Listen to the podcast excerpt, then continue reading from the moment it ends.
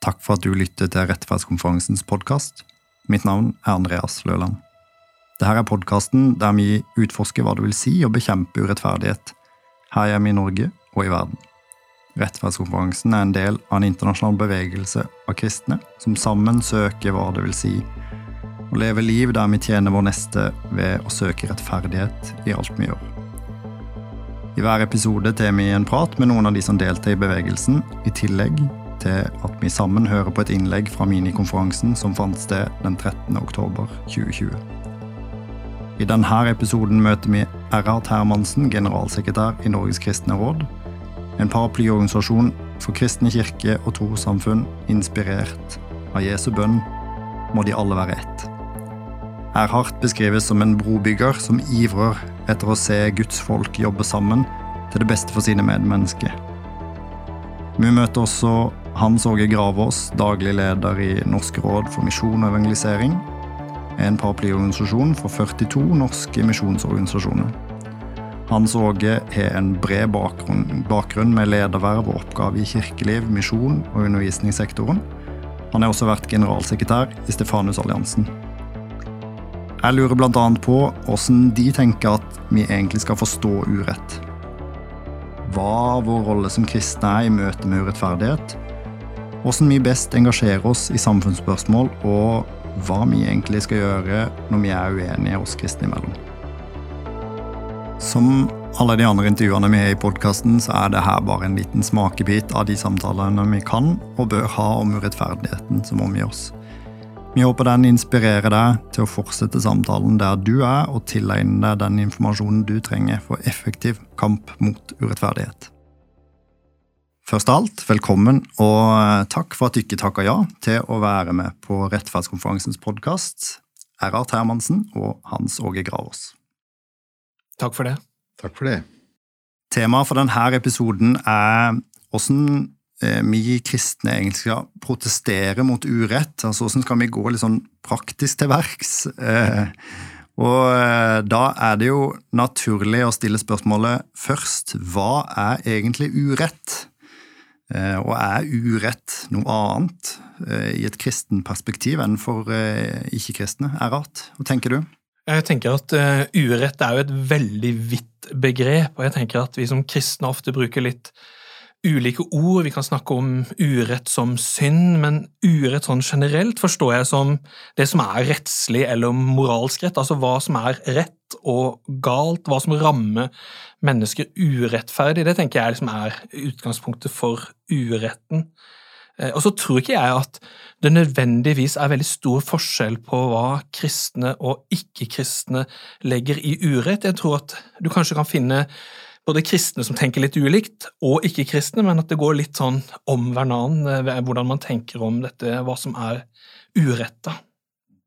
Uh, og så tenker jeg at hvis vi legger til grunn at vi som kristne og som mennesker uh, ser på mennesker som Eh, skal jeg si, menneskets ukrenkelige verdi til grunn, eh, og menneskerettighetene til grunn, så tenker jeg det også er det som bærer oss inn i dette spørsmålet om, om urett og urettferdighet. Hva, hva, rammer et menneske?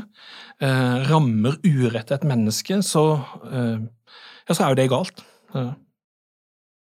Og du, Hans Åge, med din internasjonale erfaring, ser du det på samme vis, eller har du nyanseforskjeller? Eh, det er nyanseforskjeller, selvfølgelig. Vi lever i ulike virkeligheter. Eh, samtidig så eh, innebærer det det samme. Du spurte om hva rettferdighet er, og da, hvis man tenker som kristen, da, så tror vi jo på en rettferdig Gud. Og det som er urettferdighet, er jo det som krenker Guds vilje. Og så er det jo mange eksempler på hva det kan bety i Bibelen, og hva, også mange konkretiseringer i vår tid. Så jeg tenker at f.eks. det som innebærer en krenkelse av menneskeverdet, eh, med ulike konkretiseringer, det er, det er urettferdighet, sånn som jeg ser det. Og så spør du da om det er forskjell på oss og ikke-kristne. Jeg tror at uh, menneskerettighetene er jo på en måte konkretiseringer av en krenkelse på menneskeverdet, så vi kan jobbe med samme sak ut fra ulike innfallsvinkler, tenker jeg. Eh, men eh, hvordan dette oppleves internasjonalt i forhold til her hjemme Det er klart Problemstillingene er de samme, Men eh, skoen trykker litt på forskjellig vis, alt ettersom hvor vi er hen i verden. Mm. Ja, hva tenker du, Erat, når det gjelder norske forhold? Eh, hvis du skal på en måte sette det internasjonale opp mot det norske, er det eksempler på urett i Norge? For eh, det er klart, eh, som, eh, som Hans Åge sier her, så er det jo andre forhold internasjonalt. Kan en, kan en snakke om urett på samme vis i Norge? Altså jeg tenker at Vi kan snakke om urett i Norge, og så vil det være forskjeller på hva man ser på forskjellige steder i verden, men jeg tenker at Norges kristne råd for eksempel, har arbeida veldig konkret opp mot en del områder som vi mener det er urett i Norge. Eh, et konkret eksempel på det er jo alle de som ikke har et anstendig arbeid og gode arbeidsvilkår. Jeg får liksom stadige eksempler både gjennom media og gjennom mennesker vi møter som lever i en spesiell situasjon. Altså Jordbærplukkeren i sommer som fikk 63 kroner timen. Eh, eller jeg hørte nettopp et eksempel hvor samme person sov og jobba i samme vaskehall. Altså et eksempel på, på en urett i Norge. Et annet eksempel er jo dette med konvertitter, som vi har jobba veldig mye opp mot. altså Rettssikkerheten for konvertitter. Det er en grunn til at veldig mange havner i kirkeasyl. Og det er jo for nettopp på grunn av at det er ikke gode nok rettslige ordninger for de som sikrer og ivaretar de. Som et par eksempel. Ja, sant. Og eh, du kan jo gjerne være litt mer konkret også, Hans Åge, hvis det er noen, noen konkrete eksempler du har lyst til å løfte fram av urett som du har vært borti. Kunne tatt mange eksempler, men det som jeg syns er å ta frem nå, det er at eh, vi må ikke sette disse to tingene opp imot hverandre. Jobber vi i en norsk kontekst, så er det, er det noe som bør ha et fokus for seg i seg selv.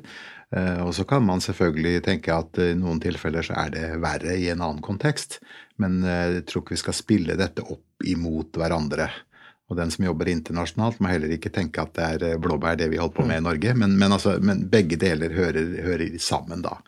Men det er klart at det er situasjoner. Fattigdomsproblematikken i en annen del av verden er jo eh, ofte større enn det er her hjemme, men det betyr ikke at det ikke finnes fattige i Norge.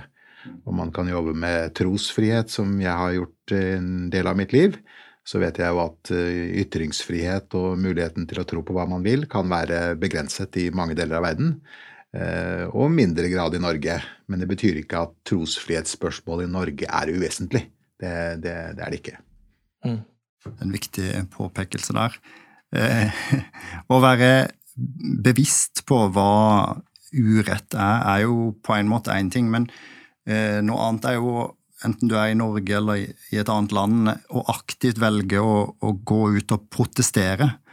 Eh, er det vår oppgave som kristne? Ja, det mener jeg absolutt. Jeg mener veldig klart at det er vår oppgave å si fra når noe er urett. Og jeg tenker jo at da har vi et veldig godt eksempel i Jesus sjøl, når han gikk omkring og møtte mennesker og så det som var urett, enten det var mennesker som var tilsidesatt, eller det var lover, eh, retningslinjer som man hadde på den tiden som ikke var eh, bra og, rettferdig for alle mennesker, så protesterte han sjøl. Han gjorde noe med den uretten, og jeg tenker at med han som motivasjon, inspirasjon, forbilde, så er det en stor oppgave for oss som, som kristne å si fra og, og tale imot når vi ser det som er urett. Jeg tenker at uh, hvis man ser på kristen misjon, internasjonal misjon og, og, kristne kirker opp gjennom historien, så har, uh, har uh, Den kristne kirke alltid hatt et diakonalt perspektiv. Eh, hvordan man har forstått det, hvordan man har tilrettelagt det, har vært litt forskjellig. Eh, det man kan si, det er at eh, Kirken har hatt et hovedfokus på et barmhjertighetsfokus, mens det man gjerne omtaler som rettferdighetsfokus, eller profetisk diakoni, som noen mener er riktig å bruke av det begrepet, så kan du si at det har vært mindre fremtredende i, tidligere tider enn det er nå. Rett det ligger nok en redsel i noen eh, deler av kirkelandskapet at såkalte, dette såkalte rettferdighetsfokuset får politiske implikasjoner. Eh, og det er det klart at skal man, eh, skal man ut i det type landskap, så får det politiske implikasjoner. Eh, det behøver ikke å bety at man tenker partipolitisk, men å på en måte se for seg at det ikke skal ha politiske implikasjoner, det blir, det blir vanskelig å se for seg.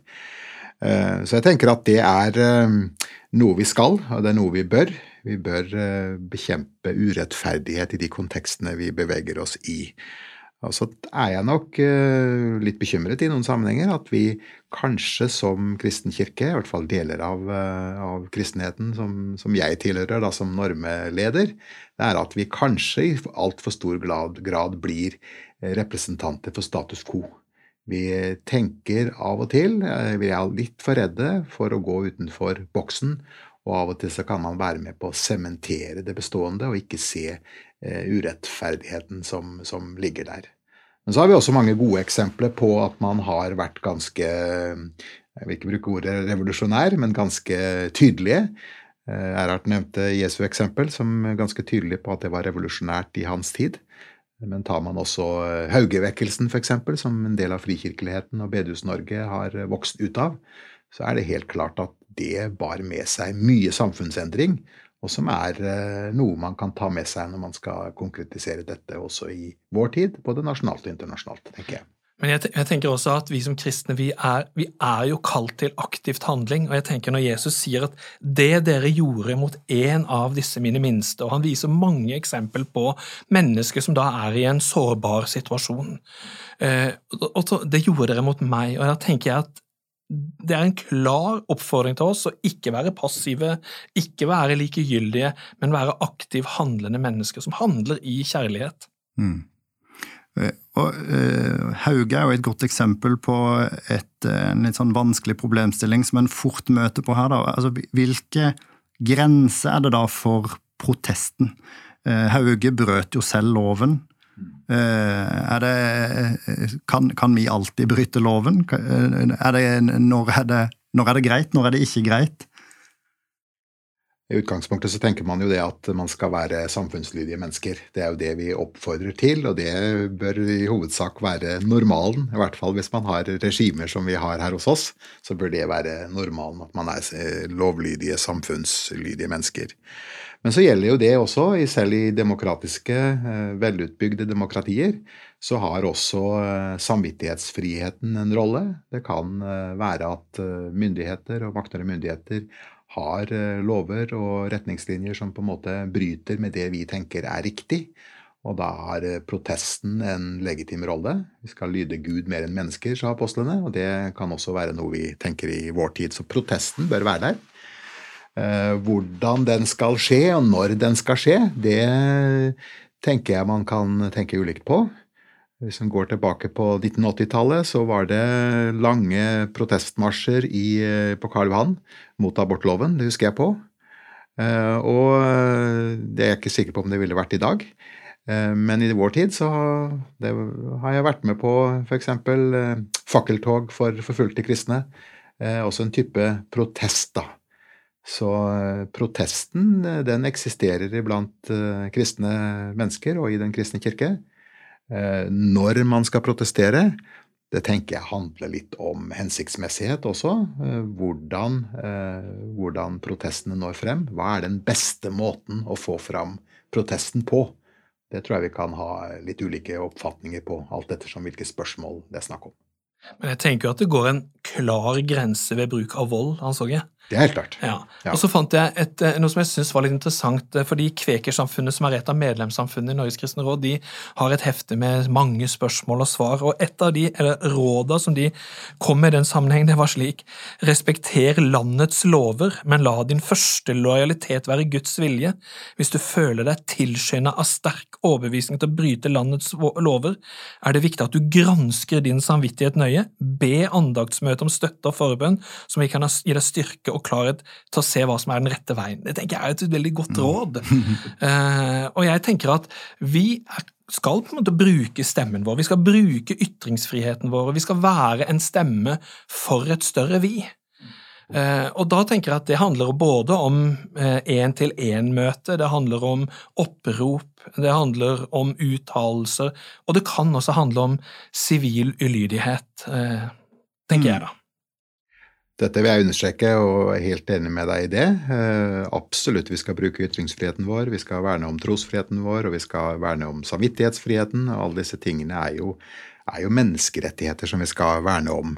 Samtidig så er det også lov å være klok. Det er lov å tenke over hva som er hensiktsmessig i enhver sammenheng. Hva fører frem? Vi ønsker jo også endring. Vi ønsker jo ikke bare å stå frem for å eh, løfte vimplene og si at her er jeg, men vi ønsker også å skape positiv endring. Så eh, det er ikke alltid at eh, det riktige kan proklameres på én måte. Hvis det skaper provokasjon, og det fører til at det motsatte skjer av det vi ønsker skal skje. Så det handler også om, om, klokskap, samtidig som man må verne om rettigheter. Ja, Sånn sett litt altså strategi, rett og slett. Ja. Hva, hva, er den strategiske vurderinga når det gjelder det å på en måte eh, Særlig dersom du skal påpeke urett hos en majoritetsbefolkning, så kan en jo veldig fort bli eh, oppfatta som moraliserende og nedsettende. Er det, er det noen måter å på en måte komme unna det, eller er det bare av og til sånn at av og til da må en akseptere å bli oppfatta som moralist? Jeg tenker vel det at det er lett å bruke moraliseringsfaren og løfte det altfor høyt for å bringe folk til taushet. For moraliserende vil vi vel alle sammen være hvis vi står for noe og hvis vi mener noe. Men problemet med moralisme og moralisering det er hvis man løfter seg selv opp en pidestall og tenker som så at vi er de eneste som tenker moralsk, mens de andre har overhodet ikke etiske prinsipper å forholde seg til. Eh, da blir det noe selvgodt utover det. Men eh, det å eh, stå for noe, og hvis man av den grunn oppfattes moralistisk, så får vi leve med det, tenker jeg. Og så tenker jeg jo at litt i forlengelse av det du sier, Hans, og at og når spørsmålet handler om urett, hva som er urett, så tenker jeg Altså, det er ikke først og fremst jeg som er i fokus, men det er eh, strukturer, det er systemer, det er min neste. Og jeg tenker hvordan vi skal gå fram for å få dette fram, handler jo om å bære det fram altså, i kjærlighet. Det er min neste, det er det beste for de vi har rundt oss, vi ønsker å, øh, å nå og, jobbe for. Og da må det også være grunnlaget for det vi, vi gjør. da. Mm. Hva hvis en øh, ønsker øh, Du nevnte politikk, Hans Åge. Altså hvis en ønsker som kristen å gå inn i politikken, enten det er i i eh, et parti som har en spesiell tilknytning til kristen tro, eller hvilket som helst annet parti, da, da må en jo eh, ofte inngå, eller en, en er nødt til å inngå kompromisser både internt i det partiet der du engasjerer deg, og, og når du sitter og forhandler med andre politiske partier. Og Da blir det jo vanskelig utad igjen å på en måte eh, være klar og rank og tydelig på det du har stått for, i, egentlig det som er ditt prinsipp. Og når du observerer skal du si, den brytninga for kristne som er aktive i politikken utenfra som kristen leder, har du noen refleksjoner rundt det? Jeg sa jo det tidligere i, i samtalen, at, eh, at, eh, dette med å arbeide for rettferdighet og arbeide mot urettferdighet, det har politiske implikasjoner. Samtidig så skal vi være klar over at det er ulike roller. Det å være politikere, aktive politikere, som f.eks. stortingspolitikere. Og det å være en kirkeleder er to forskjellige roller. Vi har et ulikt verktøyskrin som vi tar i bruk for å, for å arbeide med politikere. De jobber gjennom demokratiske prosesser og må ofte inngå kompromisser for for å flytte noen steiner. Mens som kirkeledere så har vi en annen rolle, hvor vi har vår talerstol, og vi har en, en langt bredere eh, hva skal jeg si, et, bredere, et, et, større verktøyskrin, som ikke er så så spesifikt som politikernes verktøyskrin. da. Og jeg må jo ha forståelse for at politikere må inngå kompromisser. Eh, sånn er det. Eh, man får ikke gjennom sine saker, men man kan gjøre noe dårlig litt mindre dårlig, og man kan gjøre noe, noe litt bedre enn det det er. Så det vil man ofte, eh, ofte, havne i slike situasjoner hvor man eh, kanskje kan spørres om hva er det du egentlig har gjort, men du har vært med på å bidra til en, i hvert fall eh, noe i riktig retning. Da. Og det må vi forstå politikerne på, tenker jeg. Når, nå nærmer vi oss slutten av samtalen vår, men jeg har lyst til å spørre litt sånn mot slutten. Altså, eh, Vi snakker om urett, og det kan være helt klart og tydelig i noen situasjoner, men av og til så kan det også være litt vanskelig å se hva er urett, hva er ikke urett. og hva hvis vi er uenige som kristne, hvis en sitter rundt et bord, eller en, en er offentlig, kanskje enda mer når en er aktiv i den offentlige samtalen. Hva er det vi kan gjøre som kristne for å være tydelige i budskapet om urett, også når, når vi er uenige? Altså, jeg, jeg, opplever jo ofte at vi møter hverandre kanskje litt for polariserende. Altså Man er veldig sterk bassist, og så er man ikke interessert i å lytte til den andre, respektere den andre, høre hva den andre har å, har å si. Så i, jeg har jo ofte tatt til orde for at vi trenger å løfte fram den gode dialogen for å forstå argumentene som finnes hos den andre. Eh, vi ser ting stykkevis og delt sammen, så kan bildet bli større og helt. Eh, og det er klart, sånn som Rettferdskonferansen som en arena for å eh, løfte opp de gode samtalene, løfte opp den gode dialogen. Vi har noe som vi er sammen om, men vi har ulike innfallsvinkler på dette her, tenker jeg er kjempeviktig. Så det der med at når vi som kristne også skal snakke om hva som er urett, at vi ikke møter hverandre med bare debatt og motargumenter, men aktiv lyttende. Jeg hadde da jeg deltok på klimaseilasen til København for en del år siden, så fikk jeg en del som ringte meg og også skrev om hvordan jeg som kristen kunne engasjere meg i, i klima, for klimasaken. Hvis var jeg ikke opptatt av hva som var det sentrale i evangeliet her, om Jesus Kristus som kom til jord. Og så sier jeg at jo, jeg er absolutt opptatt av det, og det bruker jeg så mye energi på, da var jeg jo pastor, på å formidle dette her. Men hvis mitt lille bidrag også inn i dette her kan på en måte utvide perspektivet litt på hva vi som kristne er engasjert av å gjøre, så vil jeg gjøre det. Mm. Tusen takk. Jeg vil også gripe fatt i det du sa om eh, polarisering. Det tror jeg er en av de største utfordringene vi har, både i forhold til samfunnet generelt, men også innad i den uh, kristne kirke, hvis man snakker da om kristenheten som en, som en helhet. Og vi gleder oss over ytringsfriheten, vi gleder oss over muligheten for å få sagt det vi vil. Vi gleder oss over eh, gode medier i vårt eh, norske samfunn, men så opplever vi også at eh, mediene demokratiseres. Ola og Kari Nordmann kan alle delta i sine ytringer ved å ytre seg fritt på sosiale medier. Og mange mener både mye og ofte og sterkt. Og av og til så kan synspunktene være så sterke at eh, noen foretrekker tausheten, for de blir for ubehagelig å delta i det offentlige ordskiftet. Og Jeg merker nok også en form for polarisering innad i kristenheten. Noen er veldig opptatt av disse etiske dilemmaene, disse urettferdighetene, mens andre igjen er opptatt av andre urettferdigheter. Så det blir på en måte en sånn rangering av hva som er viktig å engasjere seg for i det store politiske ordskiftet. Så tenker jeg at vi i en sånn situasjon, og ikke minst som kristne, må være opptatt av hvordan vi kommuniserer. Eh, vi skal kommunisere, på, kommunisere, det vi har tro for, og det vi mener, og det vi mener har betydning. Men det er ikke bare å stå for noe, men også sørge for at vi blir forstått. Og av og til så sitter en med en uh, flau smak rundt munnen når en ser hvordan kristne omtaler hverandre og, deltar i det offentlige ordskiftet. Det blir litt uh, klossmajoraktig av og til. Og da kan vi, eh, selv med de beste intensjoner, sørge for det motsatte av det gode som vi egentlig står for. Sant. Helt sant. Og da eh, håper vi at Rettferdskonferansen kan være en sånn arena, et sted der vi kan møtes eh, for å snakke om hva urett er, og hva vi kan gjøre for å kjempe mot urett.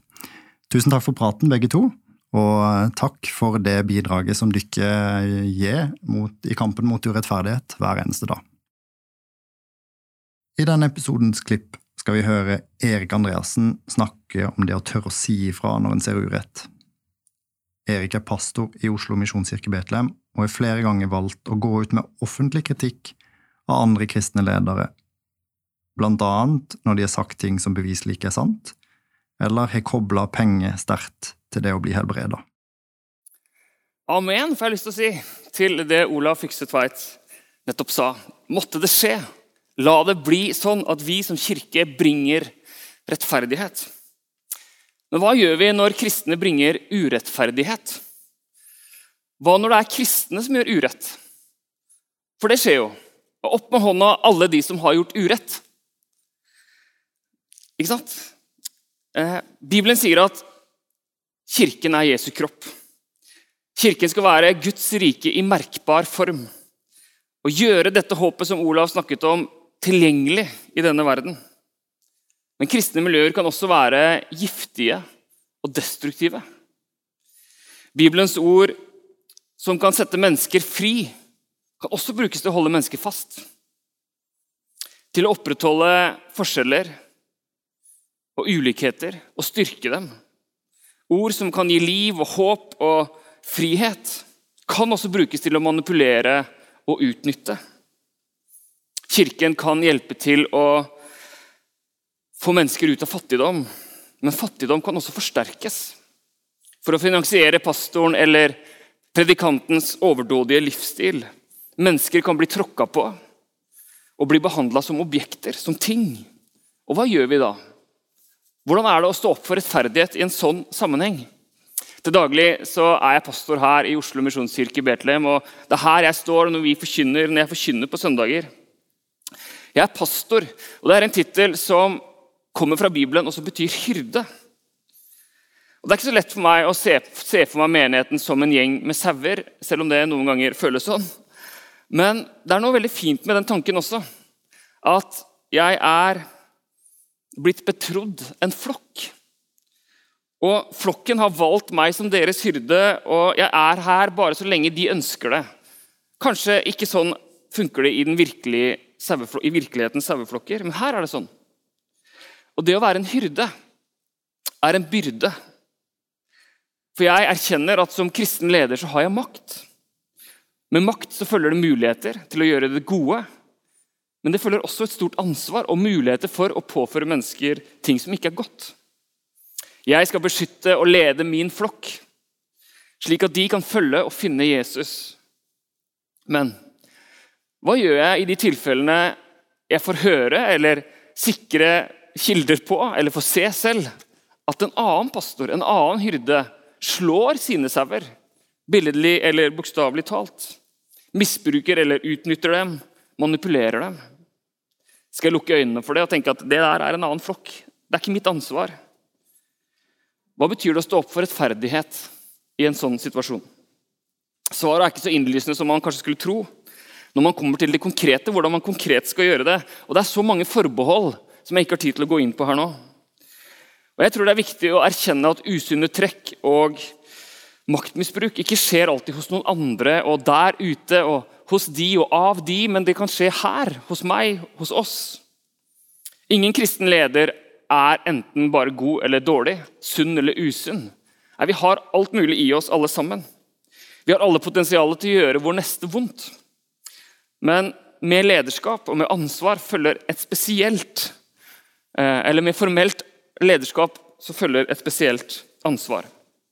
I mange sammenhenger så finnes det mekanismer og strukturer, og vi lager dokumenter og planer og formelle linjer for å begrense det som er vondt, og for å styrke det som er godt.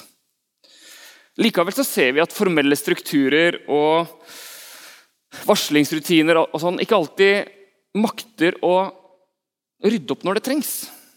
Være seg politiske partier, kirker eller misjonsorganisasjoner, så hva gjør vi da? Flere ganger så ser vi Jesus refse de som har makt. Og Spesielt så virker det som at Jesus gjør det mest mot de religiøse lederne, mot sine egne. I god profettradisjon, kan vi kanskje si. Fordi profetene i Gamletestamentet Igjen og igjen så ser vi hvordan profetene hever stemmen for å påpeke urett, for å eh, løfte opp de farløse, enkene og innflytterne. Profetene har denne rollen i å holde lederne og eh, folket ansvarlig. Og Hvordan ser denne stemmen ut i dag? Hvordan ser denne delen av profetstemmen ut i vår tid? Jeg har sagt noen ganger at på sitt beste så har media denne rollen.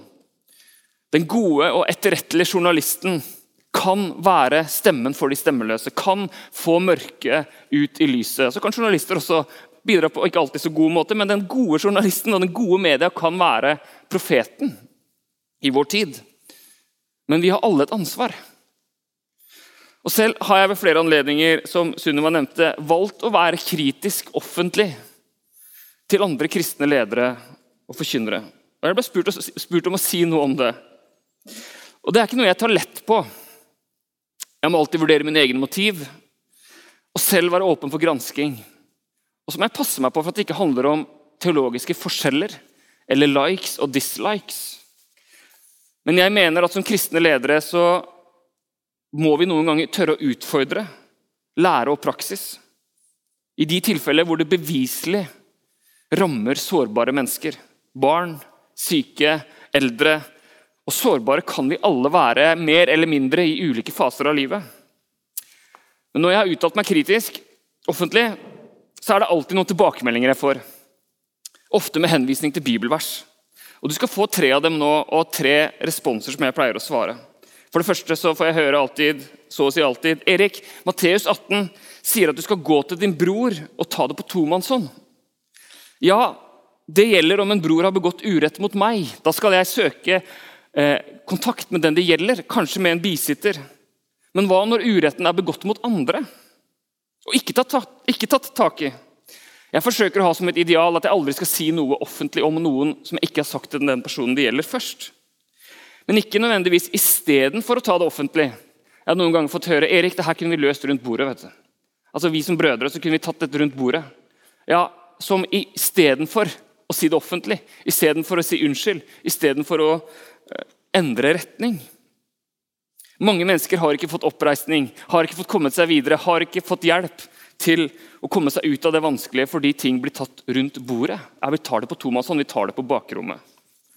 For det andre, Erik, Jesus sier jo i Matteus 7 at du ikke skal dømme. Hvem er du til å dømme? Pass på det med flisen og bjelken. Men rett etter det i Matteus 7 så sier Jesus også ta dere i vare for de falske profetene. De kommer til dere i saueham, men innvendig er det glupske ulver. På fruktene skal dere kjenne dem. Og Så advarer Jesus mot at de som gjør mektige gjerninger, profeterer, driver ut onde ånder, også kan være dem som gjør urett. Bort fra meg, sier Jesus. Jeg, ha, jeg kjenner dere ikke. Nei, vi skal ikke dømme vår bror, men vi skal bedømme det som sies og gjøres. Vi skal vurdere fruktene. Og hvordan kan vi gjenkjenne glupske ulver om vi ikke snakker om det? Vi skal ikke være redde for å konfrontere. Og for det tredje Erik, 1. Tessalonikerne 5. Prøv alt og hold fast på det gode. Du må spise fisken og spytte ut beina. Altså, Jeg vet ikke hvor mange varianter av det jeg har hørt som eh, kristen. Altså, ja, ja, det var jo det var en del kritikkverdig som skjedde der, men det var jo også så mye bra. Altså, Vi må lære folka å spise fisken og spytte ut beina. Og det er jo sant. Altså, Vi må lære mennesker å kritisk vurdere det de hører og ser. Men hvis barnet mitt holder på å kveles og dø, så holder det ikke at jeg sier ah, synd altså, du skulle ha lært deg å, å, å spise fisken og spytte ut beina. Eller hvis vi ser at mange andre barn holder på å kveles og dø, så kan vi ikke bare si at ja, det var dumt at de ikke lærte å spise fisken og spytte ut beina. At de ikke lærte seg å sortere. Og det var jo også så mye bra som skjedde. Nei, da må vi ta grep. Om 90% er bra, men 10% er farlig, så hjelper det ikke så mye med de 90. Da må vi påpeke de 10 Ja, Det gikk jo bra med 99 av sauene, så at én sau hoppa utfor kanten, det får bare være. Det kan ikke være sånn.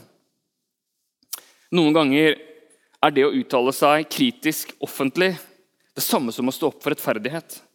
Det må gjøres med varsomhet. Det er masse forbehold, men allikevel, jeg vil si det. En del miljøer vil ikke nås på den måten. Du vil ikke, du vil ikke nå fram. Allikevel så er det viktig og en avgjørende faktor at det blir sagt at dette her er ikke rett. Dette her er feil. Det er galt. I tillegg til at vi forsøker å hjelpe til på andre måter. Så la oss være ydmyke og ikke tro at noen av oss gjør alt rett eller har forstått alt riktig. Og samtidig, la oss være djerve når vi ser at andre begår urett. Også spesielt når det skjer i Guds navn. Det er å stå opp for rettferdighet. Takk for meg.